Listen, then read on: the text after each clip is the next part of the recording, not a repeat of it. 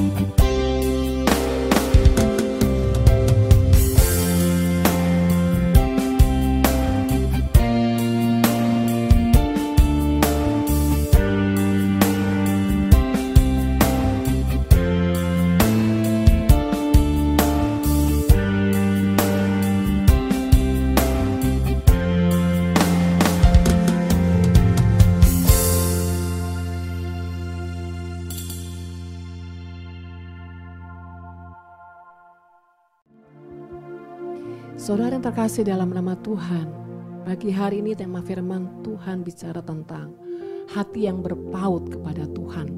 Ya, hati yang berpaut dengan Tuhan. Nah, saudara, kita akan belajar dari kisah dua tokoh. Ya, kita akan buka di dalam Kisah para rasul ayat yang pasal yang ke-13 Kisah para Rasul pasal yang ke-13 ayat yang ke-22 demikian firman Tuhan. Ya. Setelah Saul disingkirkan, Allah mengangkat Daud menjadi raja. Raja mereka. Tentang Daud Allah telah menyatakan aku telah mendapat eh, mendapat Daud bin Isai, seorang yang berkenan di hatiku dan melakukan segala kehendakku. Saudara, di sini dikatakan aku telah mendapatkan ya Daud bin Isai ya, seorang yang berkenan di hatiku, yang melakukan segala kehendakku. Nah, saudara terkasih dalam nama Tuhan. Uh, saya mempelajari kehidupan daripada Daud. Ya, Daud ini orang yang sangat istimewa dan sangat spesial di mata Tuhan. Ya, bahkan dikatakan uh, apa saudara? Daud ini orang yang melakukan segala kehendak Tuhan. Nah, saudara terkasih dalam nama Tuhan, artinya Daud ini adalah orang yang sungguh-sungguh hatinya berpaut dengan Tuhan. Kalau tidak, saudara, Tuhan tidak akan berkata bahwa Daud adalah orang yang berkenan di hati Tuhan dan melakukan semua kehendak Tuhan, segala kehendak Tuhan. Nah, saudara terkasih dalam nama Tuhan. Kita mau belajar bagaimana Daud itu menjadi orang yang bisa berkenan di hati Tuhan dan bisa melakukan segala kehendak Tuhan. Ya, Saudara, apakah Daud tidak ada kelemahan? So, pasti setiap manusia itu ada kelemahan. Tapi saudara kita akan baca di sini, saudara kita akan juga melihat daripada tokoh seorang Raja Saul. Ya, kita akan baca di dalam satu Raja-Raja pasal yang ke-11. Satu Raja-Raja pasal yang ke-11 ayat yang pertama. Adapun Raja Salomo mencintai banyak perempuan asing. Di samping anak Fir'aun ia mencintai perempuan-perempuan Moab, Amon, Edom, Sidon, dan Het. Padahal tentang bangsa-bangsa itu, Tuhan telah berfirman kepada orang Israel, janganlah kamu bergaul dengan mereka dan mereka pun jangan bergaul dengan kamu sebab sesungguhnya mereka akan mencondongkan hatimu ya kepada Allah-Allah mereka. Hati Salomo telah terpaut kepada mereka dan eh, mereka dengan cinta. Ia mempunyai 700 istri dari kaum bangsawan dan 300 gundik dari uh, istri-istrinya itu menarik hatinya pada daripada Tuhan. Ayat 4, sebab pada waktu Salomo sudah tua, istri-istrinya itu mencondongkan hatinya kepada Allah-Allah lain sehingga ia tidak dengan sepenuh hati berpaut pada kepada Tuhan Allahnya seperti Daud ayahnya. Saudara yang terkasih, Kehidupan Raja Salomo adalah kehidupan yang sangat spektakuler, sangat luar biasa. Bahkan saudara dikatakan ayat yang ke-11, ya lalu Tuhan lalu berfirmanlah Tuhan kepada Salomo, oleh karena begitu kelakuanmu yaitu yakni engkau tidak berpegang pada perjanjian dan segala ketetapanku yang telah kuperintahkan kepadamu maka sesungguhnya aku akan menggoyahkan kerajaanmu itu daripadaku dan akan memberikannya kepada hambamu ya. Hanya pada waktu hidupmu ini aku belum mau melakukan melakukannya oleh karena Daud ayahmu. Dari tangan anakmu lah aku akan mengoyakkan. Saudara Salomo dari orang yang sangat luar biasa ketika dia mempersembahkan uh, korban-korban di hadapan Tuhan pada saat uh, apa namanya membangun bait Tuhan saudara. Sehingga Salomo ini mendapatkan uh, apa namanya perkenanan Tuhan yang sangat luar biasa saudara ya. Saudara terkasih kalau kita mau baca di ayat yang ke di mana dikatakan Salomo itu pernah dua kali ya berjumpa dengan Tuhan ya. Uh, sebentar ya di ayat yang ke 9 ya. Demikian. Sebab itu Tuhan menunjukkan murkanya kepada Salomo sebab hatinya telah menyimpang daripada Tuhan Allah Israel yang telah dua kali menampakkan diri kepadanya. Nah saudara terkasih dalam nama Tuhan, apa yang kita mau belajar pada pagi hari ini? Bicara hati yang berpaut dengan Tuhan saudara ya. Hati yang berpaut daripada Tuhan itu kembali lagi semua itu harus lahir dari sebuah kerinduan, pengertian saudara. ya Lahir dari sebuah eh, apa namanya kekuatan, kekuatan hati mengasihi Tuhan. Saudara, saya percaya kenapa Salomo tidak punya kekuatan yang luar biasa, saudara ya. Seperti dikatakan Daud. Nah, saudara, karena sesungguhnya Saul, Salomo ini maaf ya, Salomo tuh hanya mengikuti jejak daripada Daud. Tapi Salomo tidak dengan sungguh-sungguh mengasihi Tuhan. Nah saudara terkasih, Salomo hanya melihat sebuah teladan ya. Saudara uh, bicara tentang sebuah impartasi ilahi. Nah, saudara terkasih, ketika seorang murid atau ketika seorang anak, ya, no, dia melihat figur daripada orang tuanya, dia seorang murid melihat figur daripada gurunya, saudara, atau seorang domba melihat figur daripada gembalanya, saudara.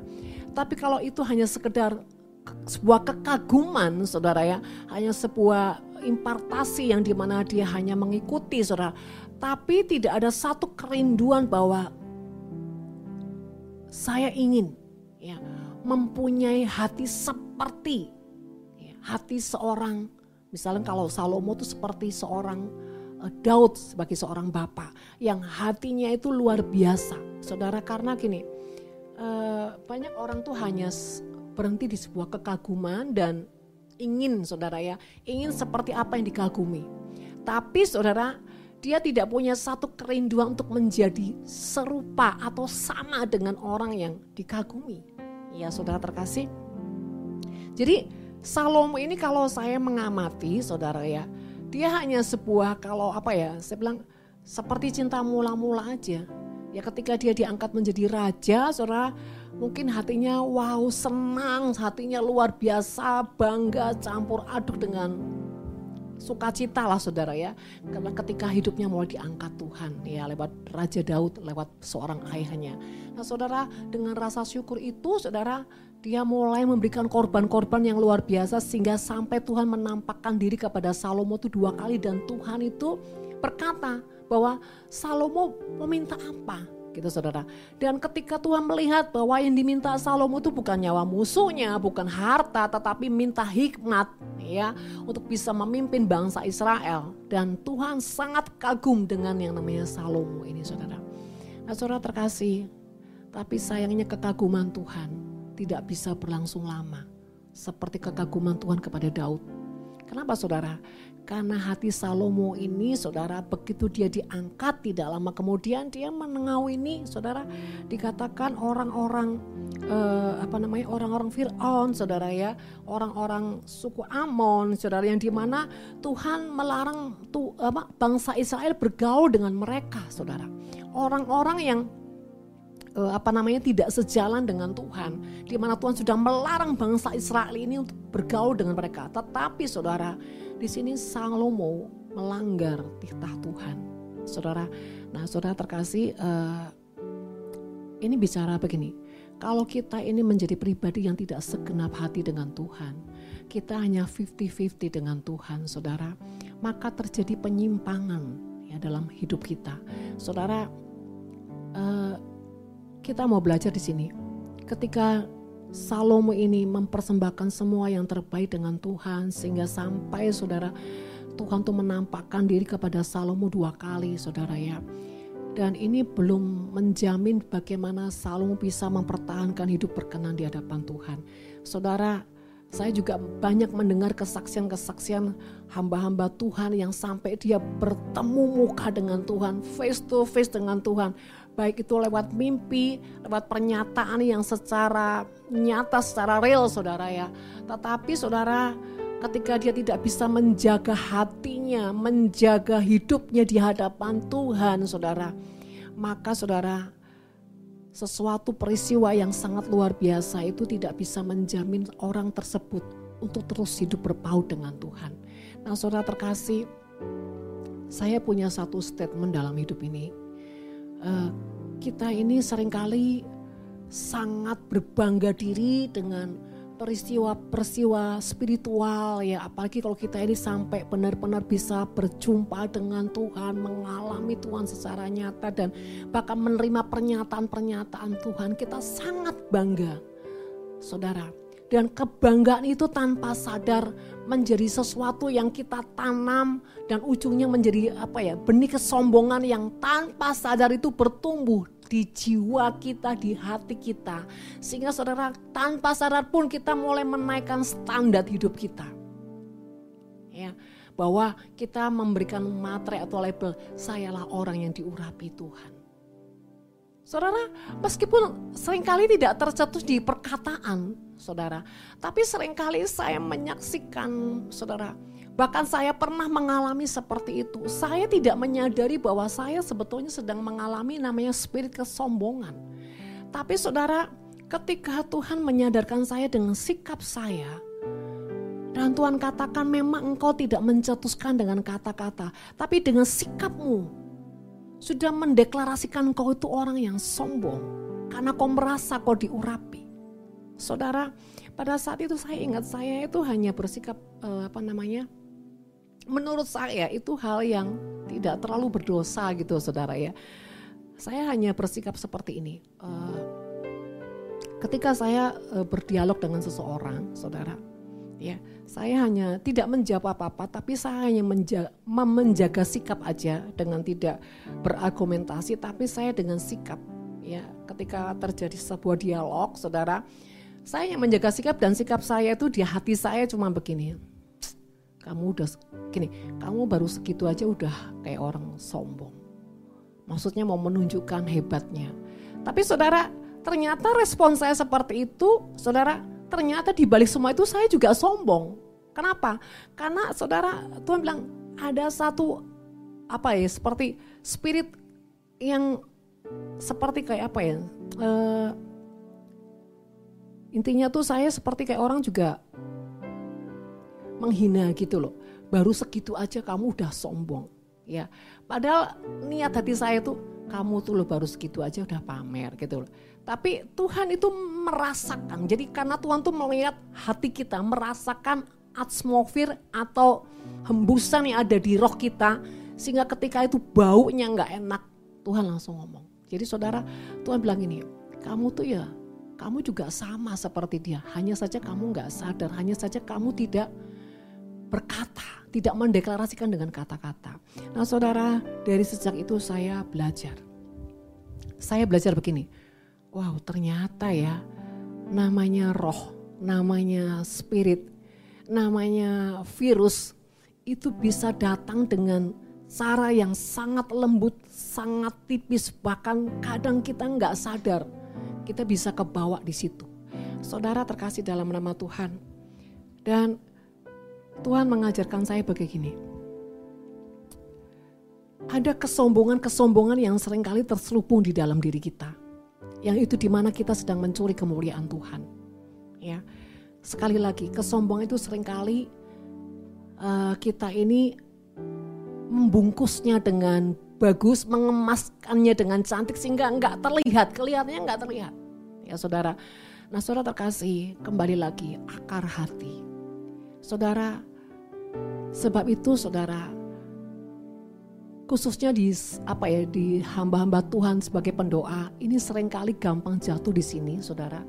Karena mereka merasa mendengar suara Tuhan menerima pernyataan Tuhan sehingga ada spirit kesombongan tanpa sadar itu sedang dihembuskan iblis saudara kepada setiap kita. Nah saudara di sini saudara kita mau belajar Kenapa Salomo itu orang yang sudah dua kali ketemu Tuhan, tapi dia ujungnya tidak bisa mempertahankan hati yang berpaut dengan Tuhan. Bahkan dia mencintai, bahkan lebih mencondongkan hatinya kepada istri-istrinya. Karena apa saudara? Saul adalah orang yang kompromi. Ya, jadi pertama saudara, kita adalah orang yang tidak boleh kompromi dengan apa pun juga. Apalagi kalau itu sudah yang namanya menentang firman Tuhan. Saudara, kalau kita tidak punya prinsip untuk tegas, ya, kita ada kompromi-kompromi Saudara, maka itu celah, itu pijakan untuk iblis apa? Lebih punya akses untuk bisa me mengkamiri lebih dalam lagi. Saudara terkasih, bicara hati yang berpaut dengan Tuhan, Saudara ya. Daud adalah orang yang sangat-sangat uh, berpaut dengan Tuhan, berkenan dengan Tuhan, Saudara Bahkan saudara, Tuhan itu mengakui kejatuhan Daud itu hanya perkara Uria, perkara Betseba, selebihnya enggak ada. Jadi saudara waktu saya tadi mandi, Tuhan bilang begini sama saya meng meng menganalis saudara ya. Berarti Tuhan, Daud itu enggak ada kejahatan yang lain ya selain perkara Uria, perkara Betseba. Enggak ada yang lain ya Tuhan. Saudara, Tuhan cuma bilang cara begini, tetap manusia itu ada sisi-sisi kelemahannya. Tapi karena Daud ini hatinya, hatinya tuh sepenuhnya untuk Tuhan. Jadi saudara terkasih, hmm, saya menyimpulkan begini. Saya juga belajar dari banyak tokoh-tokoh saudara ya. Seperti Kelting Kuman, saudara. Uh, banyaklah tokoh-tokoh saudara yang Maurice Rulu juga saudara. Bukan berarti mereka itu nggak punya kelemahan Mereka punya kelemahan. Artinya Tuhan mengatakan gini, manusia itu akan terus punya kelemahan. Hanya saja volumenya, durasinya itu semakin kecil semakin kecil. Ya, ada pujian dia semakin besar, aku semakin kecil. Nah, saudara terkasih, kembali lagi. Salomo adalah orang yang begitu hebat, luar biasa, saudara ya. Bahkan raja yang sangat kaya, terkaya, saudara ya. Melebihi Daud, saudara, kekayaan daripada Salomo ini, saudara. Hikmatnya juga melebihi daripada Daud, seorang bapaknya, saudara. Bahkan Salomo adalah orang yang berjumpa secara face to face dengan Tuhan, saudara Ya kalau dibanding Daud saudara ya, Salomo ini bicara perjumpaan secara real dengan Tuhan. Tapi itu pun saudara tidak menjamin hatinya itu berpaut dengan Tuhan. Tapi Daud orang yang sangat sederhana, latar belakang yang sangat sederhana, bahkan latar belakang orang-orang yang tertolak, saudara. Bahkan saya memperkirakan Daud itu orang yang tidak berpendidikan, saudara, karena tidak diceritakan di Alkitab, saudara. Hari-hari hidupnya dia hanya sebagai seorang penggembala, orang yang memuji Tuhan, yang membangun hubungannya dengan Tuhan. Nah, saudara terkasih, kita mau belajar di sini, hati yang berpaut dengan Tuhan adalah hati yang mau terus setia melakukan yang terbaik buat Tuhan. Saudara, uh, satu hal yang saya mau tekankan di sini, di mana cara Tuhan mendidik saya secara pribadi untuk bisa hati ini berpaut dengan Tuhan adalah menjaga sikap kerendahan hati. Menjaga sikap kerendahan hati. Bagaimana kita bisa menjaga sikap kerendahan hati, saudara? Saudara, pasti kita akan diperhadapkan dengan orang-orang yang banyak saudara menegur kita, menasihati kita, bahkan mengkritik kita dan bagaimana kita menyikapi itu semua saudara. Ya, menyikapi semua itu. Bagaimana kita menjadi orang yang menjaga dan mengendalikan diri saudara. Ya, jadi saudara terkasih bicara hati yang berpaut dengan Tuhan itu ya sebetulnya kalau secara terapinya itu adalah tiap hari kita ini bagaimana kita menghadapi setiap masalah, kita bisa mengontrol hati, kita bisa mengontrol pikiran untuk menjaganya tidak marah, untuk menjaganya tidak memberontak. Bahkan kita di perhadapan yang paling pahit pun saudara, bagaimana kita menjadi orang yang bisa menguasai diri Ya, itulah yang dikatakan berpaut dengan Tuhan. Saya percaya kalau kita bisa menjaga hati kita seperti itu, pasti kita juga orang yang selalu taat dengan Tuhan. Saudara. Jadi saudara, karena banyak orang yang taat dengan Tuhan tidak menyertakan hatinya untuk taat. Jadi ketaatan itu hanya sebatas sebuah kewajiban, sebuah tanggung jawab, saudara, sebuah apa ya kebiasaan, saudara, atau hanya sekedar labelnya karena takut Tuhan. Karena takut nanti uh, Tuhan marah, Tuhan tidak memberkati, hanya seperti itu. Tapi bukan melakukan karena hati yang mengasihi Tuhan. Saudara, pasti berbeda, pasti sangat berbeda. Ya saudara, ketika misalkan kita, uh, misalkan saudara seorang konselor atau so, saudara ketika saudara sedang melayani seseorang yang curhat kepada saudara, ya, saudara dengar ya ada satu perbedaan. Ketika saudara mendengarkan dengan segenap hati saudara karena saudara ada rasa simpati, empati dengan orang yang curhat kepada saudara atau saudara sekedar menjadi orang yang membuka telinga ya udah cerita cerita aja. Tapi saudara tidak menyertakan hati saudara ya. Itu beda.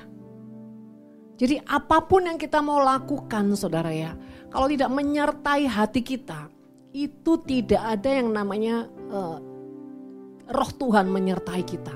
Saudara, uh, satu hal ya yang yang menjadi didikan Tuhan dalam hidup saya adalah sekecil apa pun yang dilakukan itu belajar menyertakan hatinya Tuhan. Tentu saja hati Tuhan itu melalui kita juga gitu loh. Bagaimana kita punya keseriusan, bagaimana kita punya uh, apa namanya kesungguhan untuk fokus dengan apa yang sedang kita lakukan, kita kerjakan, saudara, itu benar-benar fokus. Ya, dari situlah Tuhan itu gini, ketika Saya misalkan misalnya misalkan kalau saya sedang mengkonselor orang baik lewat telepon, lewat tatap muka, kalau saya tidak dengan sepenuh hati saya tidak akan dapat hikmat Tuhan. Dan apa pun yang keluar dari mulut saya itu hanya sebatas pengetahuan saya, hanya sebatas daging saya, hanya sebatas pengertian saya. Tapi kalau saya menyertakan Tuhan atau segenap hati saya, maka saya mendapatkan yang ilahi. Nah, saudara terkasih, bicara hati yang berpaut dengan Tuhan itu sangat penting dibutuhkan di akhir zaman ini saudara. Kenapa? Supaya Tuhan itu menuntun kita, supaya Tuhan itu mengerjakan yang ilahi di dalam kita. Saudara saya banyak menyaksikan orang-orang sudah tidak mampu lagi menghadapi, menjalani, melewati hari-hari hidupnya. Bahkan menjadi depresi dan menjadi stres. Saudara, kenapa? Karena hatinya nggak sungguh-sungguh mencari Tuhan dengan mengasihi. Mencari Tuhan yang sebuah kebutuhan. Saudara kalau kita mencari Tuhan yang sebuah kebutuhan, maka bertobatlah. Kenapa saudara? Karena itu tidak akan membuat engkau punya manusia ilahi di dalam hidupmu. Ya, engkau tidak akan mengalami yang namanya warisan ilahi dalam hidupmu. Itu hanya sebatas apa saudara? Kulit, maka tidak ada kekuatan. Saudara, saya punya prinsip adalah di mana yang ilahi itu harus menjadi satu benih yang bertumbuh di hati saya, di jiwa saya dalam segala aspek. Sebab itu saudara terkasih, mari ya. Jadi saudara yang mungkin saudara belum pernah mendengar suara Tuhan secara audible atau mungkin kepingin Tuhan saya kepingin mendengar suaramu atau berjumpa dengan engkau. Ketika Tuhan tidak hmm, tidak sepertinya tidak mengabulkan apa yang saudara mau saudara, jangan stres, jangan putus asa. Karena itu enggak jaminan saudara. Ya, Saudara, saya punya teman yang di mana sering kali dinubuatin hamba-hamba Tuhan. Bahkan dia mengalami yang spiritual dengan Tuhan. Ya saudara ya. Sedangkan saya berjalan itu saudara dengan yang tidak pernah mengalami hal itu pada waktu itu saudara. Saya dalam hati enak sekali ya orang ini. Setiap setiap kali ketemu hamba Tuhan, dia dinubuatkan dan bagus-bagus saudara. Ya, saya ini hampir-hampir orang yang tidak pernah dinubuatkan sama hamba Tuhan, tidak pernah dapat pernyataan apa pun. Kalaupun ada satu dua lah saudara. Ya saudara, yang secara khusus secara ini saya hampir. Tapi bagaimana eh, Tuhan memberikan saya hikmat gini. Ketika orang mendapatkan pernyataan-pernyataan ilahi, biasanya orang itu lebih condong meremehkan, lebih condong untuk apa? sombong, lebih condong untuk tidak segenap hati mencari Tuhan. Tapi orang yang tidak punya pernyataan-pernyataan ilahi, bahkan itu orang itu punya kehausan untuk menggali, mencari Tuhan lebih lagi. Nah saudara terkasih, jadi Tuhan bilang gini, gak jamin kok kalau orang itu mendapatkan pernyataan-pernyataan Tuhan atau mengalami yang spiritual, dia itu menjadi orang yang bisa menjaga hatinya berpaut dengan Tuhan. Tapi orang-orang yang bahkan saya melihat ada orang yang sampai gini bu, saya tuh pengen bisa bahasa roh bu, tapi nggak ada pendapat saudara. Sampai lima tahun, 10 tahun nggak ada pendapat. Tapi saya bilang gini, Pak, tetaplah setia, tetaplah percaya dengan Tuhan, tetaplah kerjakan apa pun yang bisa kau kerjakan dengan hati yang bersyukur. Karena Tuhan ada Tuhan yang melihat hati. Banyak orang yang bisa berbahasa roh, punya karu-karunia hebat, tapi sebetulnya hatinya nggak ada sama Tuhan. Buat apa? Yang penting minta sama Tuhan, jamin hatiku selalu ada bersama-sama dengan engkau, bahkan di dalam engkau. Jadi jangan gagal fokus, saya bilang gitu. Nah saudara terkasih, bahkan orang-orang yang punya karunia bahasa roh, karunia karunia roh kudus, itu malah jadi orang yang mengkhianati Tuhan, saudara ya. Menjual Tuhan dengan talenta-talentanya itu malah lebih ngeri, saudara. Ya, bukan berarti karunia tidak penting. Bukan berarti mengalami itu secara pribadi berjumpa dengan Tuhan itu nggak penting. Tapi saudara, kembali lagi kepada hati kita. Ketulusan kita dalam mengasihi Tuhan. Ya, hari-hari ini saudara, jangan hanya fokus dengan kebutuhan-kebutuhan kita tapi terpenting adalah seperti firman Tuhan katakan, carilah kerajaan Allah dan kebenarannya. Arti gini, saudara prioritaskan engkau mengenal Tuhan, engkau mengalami Tuhan hari ke sehari, saudara. Dengan cara bagaimana memastikan kita mengenal dan mengalami Tuhan, saudara. Ketika engkau menjadi pribadi yang mau taat, itu tanda engkau mengenal Tuhan saudara ya. Karena ketaatan itu tanda engkau mengenal Tuhan saudara ya. Saudara tanda apa ketika ketika kita menjadi orang yang mengasihi Tuhan. Ya saudara, ketika kau taat dengan hati yang disertai kasih Tuhan, itu tanda engkau bukan hanya mengenal Tuhan, tapi engkau mengalami Tuhan. Karena tidak ada kasih saudara yang bukan daripada Tuhan.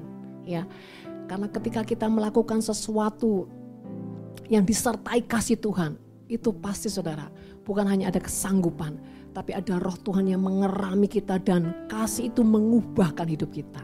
Saudara, percayalah kalau hari demi hari kita lewati dengan belajar terus menjadi pribadi yang menguasai diri, merendahkan hati, merendahkan diri di hadapan Tuhan, saudara. Menjadi pribadi yang terbiasa lakukan segala sesuatu yang disertai hati kasih. Maka itu seperti kita terus ya menggali yang ilahi, yang menarik setiap hadirat Tuhan, menarik perkenanan Tuhan dalam hidup kita. Dan saudara yang ketiga, orang yang berpaut dengan Tuhan selalu identik dengan apa saudara? Meletakkan dagingnya. Ya, selalu saudara fokusnya itu selalu bukan untuk diri sendiri, tapi untuk orang luar, untuk orang yang di luar kita. Fokusnya kita itu selalu mengasihi, yang memberi perhatian atau bentuk apa pun kepada hal-hal yang menyenangkan Tuhan, terutama jiwa-jiwa Saudara, hari-hari ini sudahkah kita menjadi pribadi yang memenangkan jiwa-jiwa, melayani jiwa-jiwa sebagai persembahan yang kita bawa di hadapan Tuhan? Saudara, ataukah kita hanya sibuk fokus pada diri sendiri, memperkaya diri, menjadi orang yang gak mau tahu, saudara? Nah, saudara terkasih, pagi hari ini kita mau belajar bagaimana menjadi pribadi yang berpaut dengan Tuhan, seperti Daud bukan seperti Salomo. Ya, Salomo bicara tentang kekayaan karun yang dipercayakan dalam hidupnya tetapi dia tidak bisa menjaganya, tidak bisa mempertahankannya. Dan saudara terkasih, sebab itu saudara, jangan biarkan hati kita ya mendua dengan dunia ini. Ya, mencintai dunia ini terlalu kuat, mencintai hobi kita terlalu kuat mencintai apa pun di luar Tuhan terlalu kuat, apalagi mencintai uang sudah terlalu kuat. Wow, ngeri sekali saudara ya. Tapi kita mau belajar mencintai Tuhan lewat hari ke sehari, lewat sebuah ketaatan, lewat sebuah kasih, saudara yang tadi saya katakan yang kalau ketiga tuh selalu orang yang berpaut dengan Tuhan tuh selalu ada korban setiap hari yang dipersembahkan di hadapan Tuhan. Selalu, nggak mungkin nggak saudara. Orang yang berpaut dengan Tuhan tuh ada aja korban yang tiap hari dia bawa kepada Tuhan. Ku bawa korban syukur ke tempat kudusmu Tuhan. Hatiku limpah dengan syukur sebab Tuhan baik. Selamanya ku bawa korban syukur ke tempat kudusmu Tuhan Hatiku limpah dengan syukur Sebab Tuhan baik. Oh Sebab Tuhan baik. Saudara pujian ini berkata begini. Ku bawa korban syukur di tempat kudusmu Tuhan. Artinya saudara, dalam kondisi yang paling tidak enak, bahkan di saat kondisi yang sangat tidak mengenakan, bahkan kondisi yang mungkin saudara, dalam tekanan, dia tetap bisa berkata, terima kasih Tuhan. Aku mengucap syukur. Sekalipun hari ini aku tidak mengerti dengan apa yang sedang terjadi atas hidupku. Walaupun sepertinya Tuhan tidak atau belum mendengar doaku tapi hatiku tetap bersyukur. Nah saudara, ketika korban ini kita bawa di hadapan Tuhan dengan rasa syukur, kita sedang ada di ruang kudus Tuhan. Ya, dikatakan ke tempat kudusmu. Ya, bahkan kita bisa berkata Tuhan baik. Di tengah kondisi yang dalam tekanan, bisakah kita berkata Tuhan baik? Kalau orang tidak hatinya berpaut kepada Tuhan, dia tidak bisa menyatakan itu dari hatinya. Tidak akan pernah bisa. Yang ada adalah kekecewaan, kemarahan, kesuaman, pemberontakan, saudara. Ya, saudara, saya hari-hari ini di mana pun ke mana pun saudara saya berbicara dengan seseorang, saya selalu berkata, tidak tahukah engkau bahwa Tuhan hari-hari ini sedang mendewasakan setiap anak-anaknya? Dengan bagaimana? Dengan ketika kita diperhadapkan dengan apa pun bagaimana kita mempunyai sikap hati? Apakah kita jadi orang yang tenang atau meledak-ledak marah kecewa meninggalkan Tuhan menyalahkan keadaan mencari kambing hitam saudara ya? Atau kita menjadi orang yang mengambil keputusan untuk tenang? Tenang dan tetap bisa bersyukur. Nah, saudara satu kali uh, anak saya sedang sharing dengan saya. Dia sedang memperbaiki ya banyak mem, apa, memberi saya input-input tentang bagaimana saya harus mem membenahi cara saya ini khotbah gitu saudara ya. Perbaiki mami. Mami belajar dari banyak hamba Tuhan. Mami coba ambil waktu dengerin khotbah. Saudara saya jujur tidak berkeming dalam hati saya gini kamu tahu nggak mami setiap hari itu dengar khotbah tuh minimal tuh lima gitu ya gitu. Saya puji Tuhan itu tidak ada berkeming di hati saya seperti itu. Tapi pada pada endingnya dia ketika dia tanya, saya ngomong, baru saya ngomong, mami ini setiap hari harus makan firman lima khotbah. Itu belum baca firmannya. Mau sesibuk apa pun pokoknya lima. Kalau ada waktu senggang bisa sampai tujuh, bisa sampai sepuluh orang apa hamba-hamba Tuhan khotbah saya dengar, saudara. Nah, saudara uh, di sini saya belajar begini dalam hati saya, Tuhan, udah yang dengar khotbah sampai lima kali sampai sepuluh kali aja masih nggak pinter-pinter ya Tuhan. saudara, ini benar-benar saya ngomong sama Tuhan, nggak pinter-pinter ya Tuhan ya. Tapi saudara, ternyata di balik itu Tuhan tuh senyum gini loh. Aku suka yang kayak gini-gini nih, yang polos-polos begini, yang kayaknya bodoh-bodoh gini malah aku suka. Oh gitu ya Tuhan. Jadi Tuhan menikmati kebodohan saya.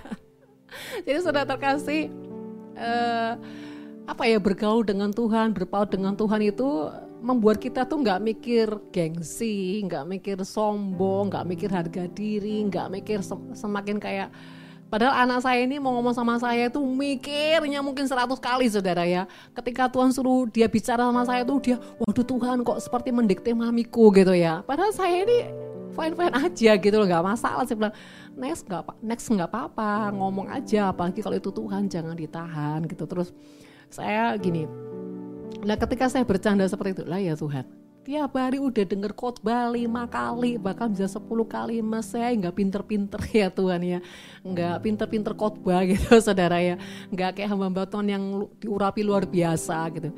Terus saya untuk gini tapi Tuhan kenapa suruh saya khotbah terus ya? gitu loh saudara. Tapi malah Tuhan itu senyum senyum senyum apa ya senyum enak gitu saudara. Lihat wajah Tuhan yang senyum enak tuh dibilang justru yang begitu tuh yang saya suka kata Tuhan. Yang kayak bodoh-bodoh polos-polos begini. Jadi saya bilang Tuhan berarti kau menikmati kebodohan saya. Nah kembali lagi saudara berpaut dengan hati Tuhan. Kalau orang yang berpaut dengan hati Tuhan itu ya memang nggak tiba-tiba saudara. Saya pun mengalami proses yang cukup puluhan tahun, 20 tahun, 25 tahun untuk bisa jadi yang seker, seperti ini aja. Ini masih standar saudara ya. Kadang-kadang juga masih bisa kambuh emosinya. Jadi artinya gini, butuh proses yang panjang itu tergantung tergantung juga kadar sakitnya kita saudara. latar belakang kita ini punya kepahitan punya pemberontakan itu durasinya tuh dalam nggak gitu saudara ibarat sumur tuh berapa meter dalamnya saudara? Itu juga tergantung sih gitu ya. Yang kedua e, durasi itu tergantung juga. Kita ini jadi orang yang suka penundaan atau suka yang ya wis Tuhan babat terus Tuhan babat terus sampai habis Tuhan gitu ya. Tergantung juga saudara ya. Ketulusan atau keikhlasan kita sejauh mana membuat kita punya durasi itu uh, dipercepat gitu saudara. Nah jadi saya seperti ini punya pengertiannya bicara yang hatinya berpaut dengan Tuhan itu pasti setiap hari saudara akan dibabat hatinya. Itu pasti ya. Kenapa saudara? Bukan Tuhan jahat supaya kita terus dibersihkan Kenapa? Kalau Tuhan tuh membersihkan kita terus gitu ya saudara. Semakin Tuhan tuh punya ruang itu besar, ya kalau kita mau loh ya sampai kita dibersihkan terus. Bahkan punya ruang tuh semakin dalam sehingga Tuhan tuh punya kebebasan akses untuk dia itu selalu bersama kita dan di dalam kita bahkan menikmatin kita. ya saudara ya. Jadi intinya gini, kalau misalkan nih kita lagi kagum atau misalkan saya misalkan gini, saya sedang sharing dengan hamba Tuhan dan hamba Tuhan ini sangat diurapin gitu ya. Ketika dia beliau tuh ngasih waktu setengah jam buat saya tuh kurang bu gitu ya.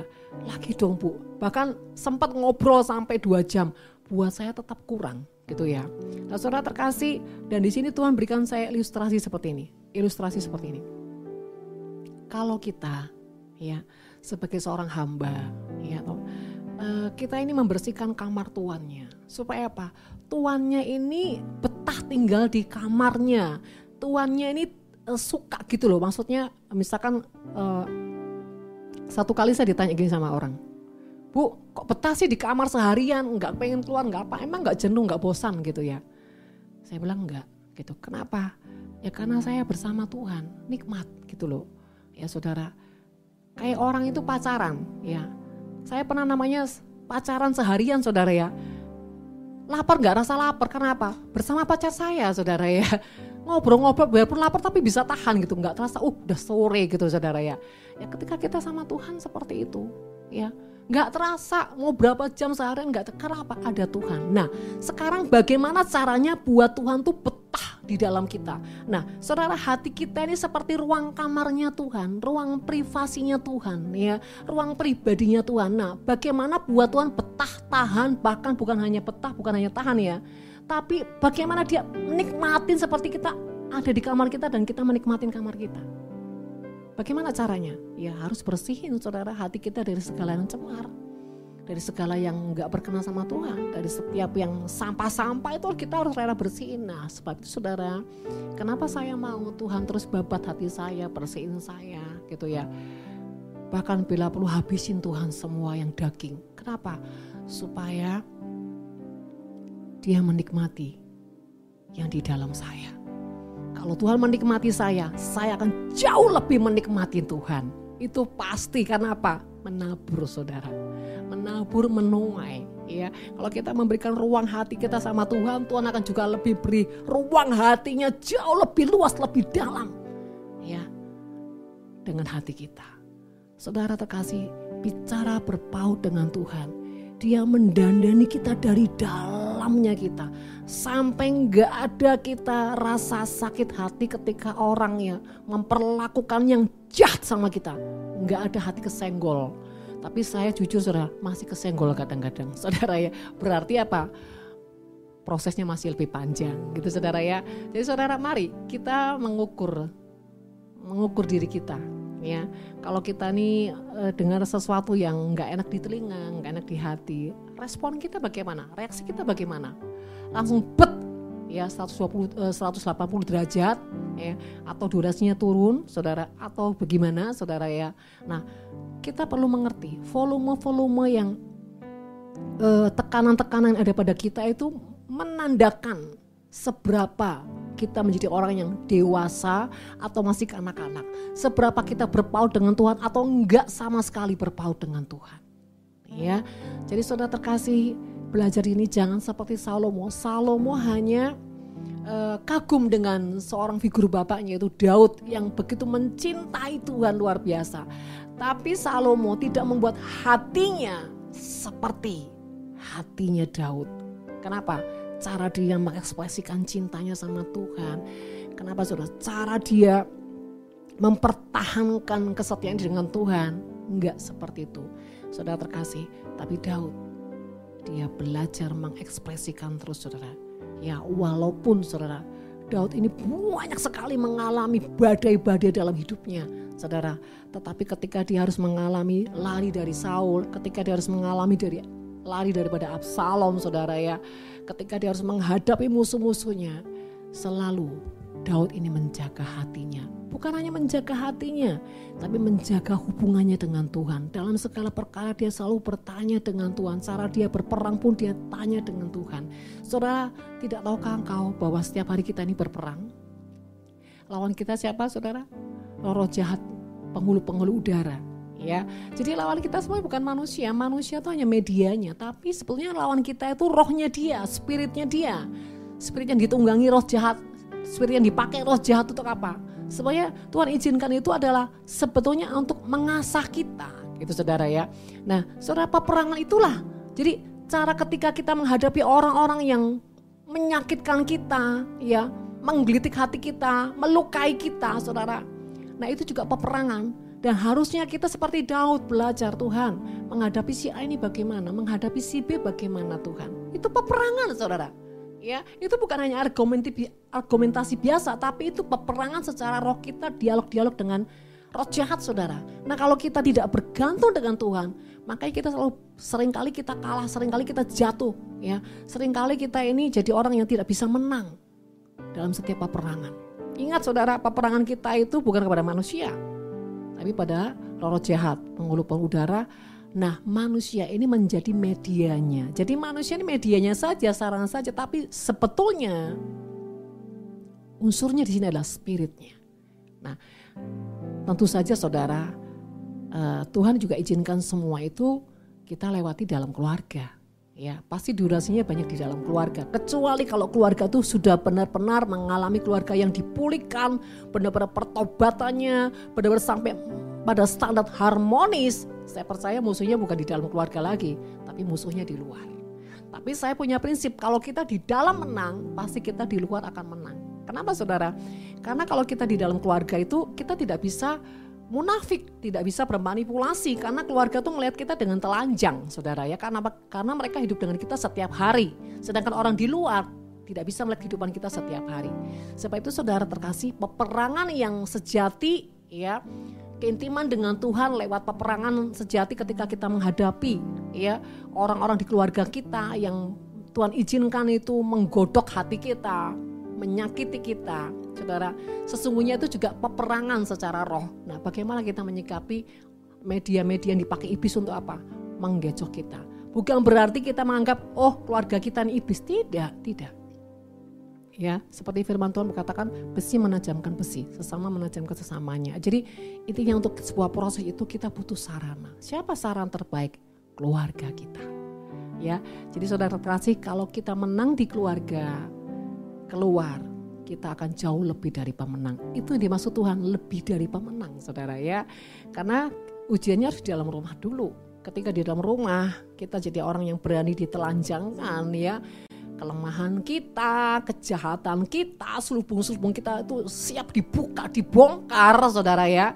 Dan ketika kita punya respon hati seorang hamba, di situlah kita menjadi orang yang tandanya kita berpaut dengan Tuhan. Karena apa?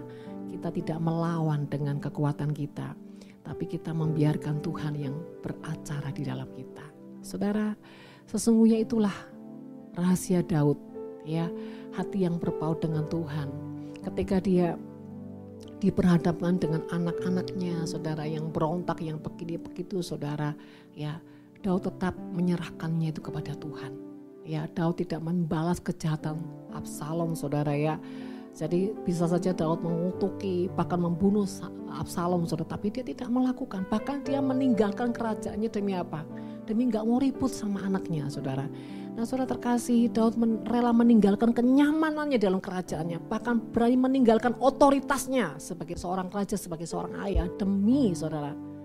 Dia tidak mau membuat anaknya mencemari tangannya dengan apa? Berbuat jahat kepada dia. Dia membuat anaknya ini tidak mengusik orang yang diurapi. Jadi saudara dengan cara seperti itu Daud apa? Menghindar.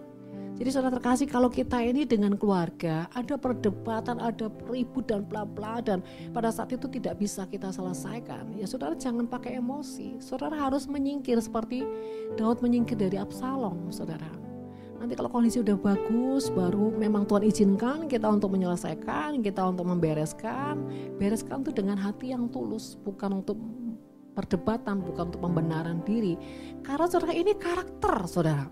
Kalau karakter ini kita tidak apa ya, tidak mau serahkan untuk diproses Tuhan, untuk dibentuk Tuhan, selamanya kita akan menjadi orang yang membusuk di dalam.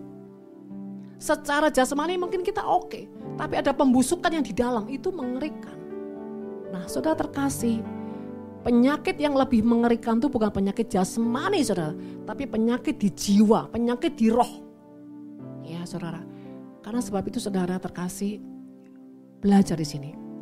Arti berpaut dengan Tuhan adalah orang yang berani setiap hari meletakkan dagingnya untuk melewati setiap proses dengan sikap hati yang bersyukur kepada Tuhan dan berani berkata, Tuhan itu baik. Saudara saya tidak akan memperpanjang firman Tuhan pagi hari ini, tapi biarlah kita mau merenungkan ya. Sekali lagi jangan menjadi pribadi seperti Salomo. Dia hanya kagum kepada figur seorang Daud ya, tapi dia tidak punya kerinduan bagaimana ya bisa punya hati seperti bapaknya. Bagaimana ya bisa punya hati seperti Daud yang wow sama Tuhan. Sampai hatinya itu berkenan banget gitu saudara. Jadi sebetulnya apa yang dinikmati Salomo itu karena akses yang dibangun Daud, saham yang dibangun Daud terlalu dalam kepada Tuhan. Sehingga maka dikatakan karena Ya, aku tidak akan menghukum engkau selama engkau hidup. Ya, kenapa? Karena aku mengingat perjanjianku dengan Daud, ayahmu. Jadi itu karena perjanjian Daud maka Salomo itu terluput dari kutuk saudara. Nah saudara terkasih, saya banyak diajar Tuhan untuk melihat hamba-hamba Tuhan yang sukses secara apa ya perkenanan Tuhan itu Bukan lihat dari pelayanannya yang wah hebat, tidak saudara. Tapi lihat dari prosesnya. Jadi saya misalkan kalau saya lihat toko si A gitu saudara. Saya selalu cari historinya dulu. Perjalanannya dia bagi seperti apa. Itu yang saya kejar. Bukan yang saya kejar spektakulernya, tidak. Saya selalu belajar lihat historinya. Dari histori itu saya tahu saudara. Oh ini loh rahasianya. Nah kalau kita tuh banyak anak Tuhan itu lihat hamba Tuhan hebat tuh tuh lihat spektakulernya bukan lihat historinya. Makanya nggak bisa ketemu saudara. Makanya jadi orang yang akhirnya lupa diri, ambisi dan jahat di mata Tuhan. Tapi kalau saudara lihat historinya, itu membuktikan bahwa engkau pribadi yang berpaut dengan Tuhan. Ya, jadi saudara terkasih, kalau kita ketemu orang-orang yang sangat diurapi, saudara harus tanya, gimana sih kehidupan yang sudah dilewati sampai bisa seperti ini? Tanya yang paling gak enak, bahkan tanya yang paling mengerikan bila perlu saudara. Dan di situ ukur dengan hatimu. Kalau misalkan kita mengalami seperti itu, adakah kita menjadi orang yang merelakan diri untuk mempercayai Tuhan? Saudara terkasih, percayalah setiap kita pasti beda, nggak akan sama saudara ya. Sampai itu saudara terkasih dalam nama Tuhan, berpaut dengan Tuhan. Pada dasarnya adalah setiap hari memberi diri. Untuk apa? rela dibentuk Tuhan, rela dididik Tuhan, ya, rela diproses Tuhan, bahkan diperbaharui Tuhan, supaya kita bisa menjadi ruang ruang tinggalnya Tuhan ya seperti kamar tadi ya. Dengan Tuhan menikmati hati kita. Amin. Ya, Saudara, mari kita akan merenungkan firman Tuhan, apa yang sudah kita dengar pagi hari ini. Dan Saudara, Mari belajar untuk lebih, saudara, mengenal Tuhan. Mengenal jauh lebih, saudara. Bahkan menginginkan dia lebih dari apa pun, emas, perak, harta. Lebih dari apa pun, saudara. Kita mau menukarkan apa pun demi kita mendapatkan hatinya. Terima kasih. Mari perbaiki hubunganmu dengan Tuhan kalau selama ini kau pahit, kau marah, kau kecewa dengan Tuhan, bereskan hatimu, minta ampun dengan Tuhan. Karena ketidakmengertianmu sehingga kau menjadi marah, kau kecewa. Tapi bagi hari yang ketika kau mengatakan Tuhan ampuni, di dalam ketidakmengertianku, aku mau Tuhan membereskan hatiku di hadapanmu dan aku mau kembali ke hatimu. Bereskan pribadimu, terima hatimu apa adanya, Jangan pernah mengutuki dirimu, jangan pernah menolak dirimu saudara. Dan yang ketiga, berdamailah dengan situasi yang Tuhan izinkan terjadi, karena itu semuanya baik. Terima kasih ya Bapak. Terima kasih Yesus Tuhan.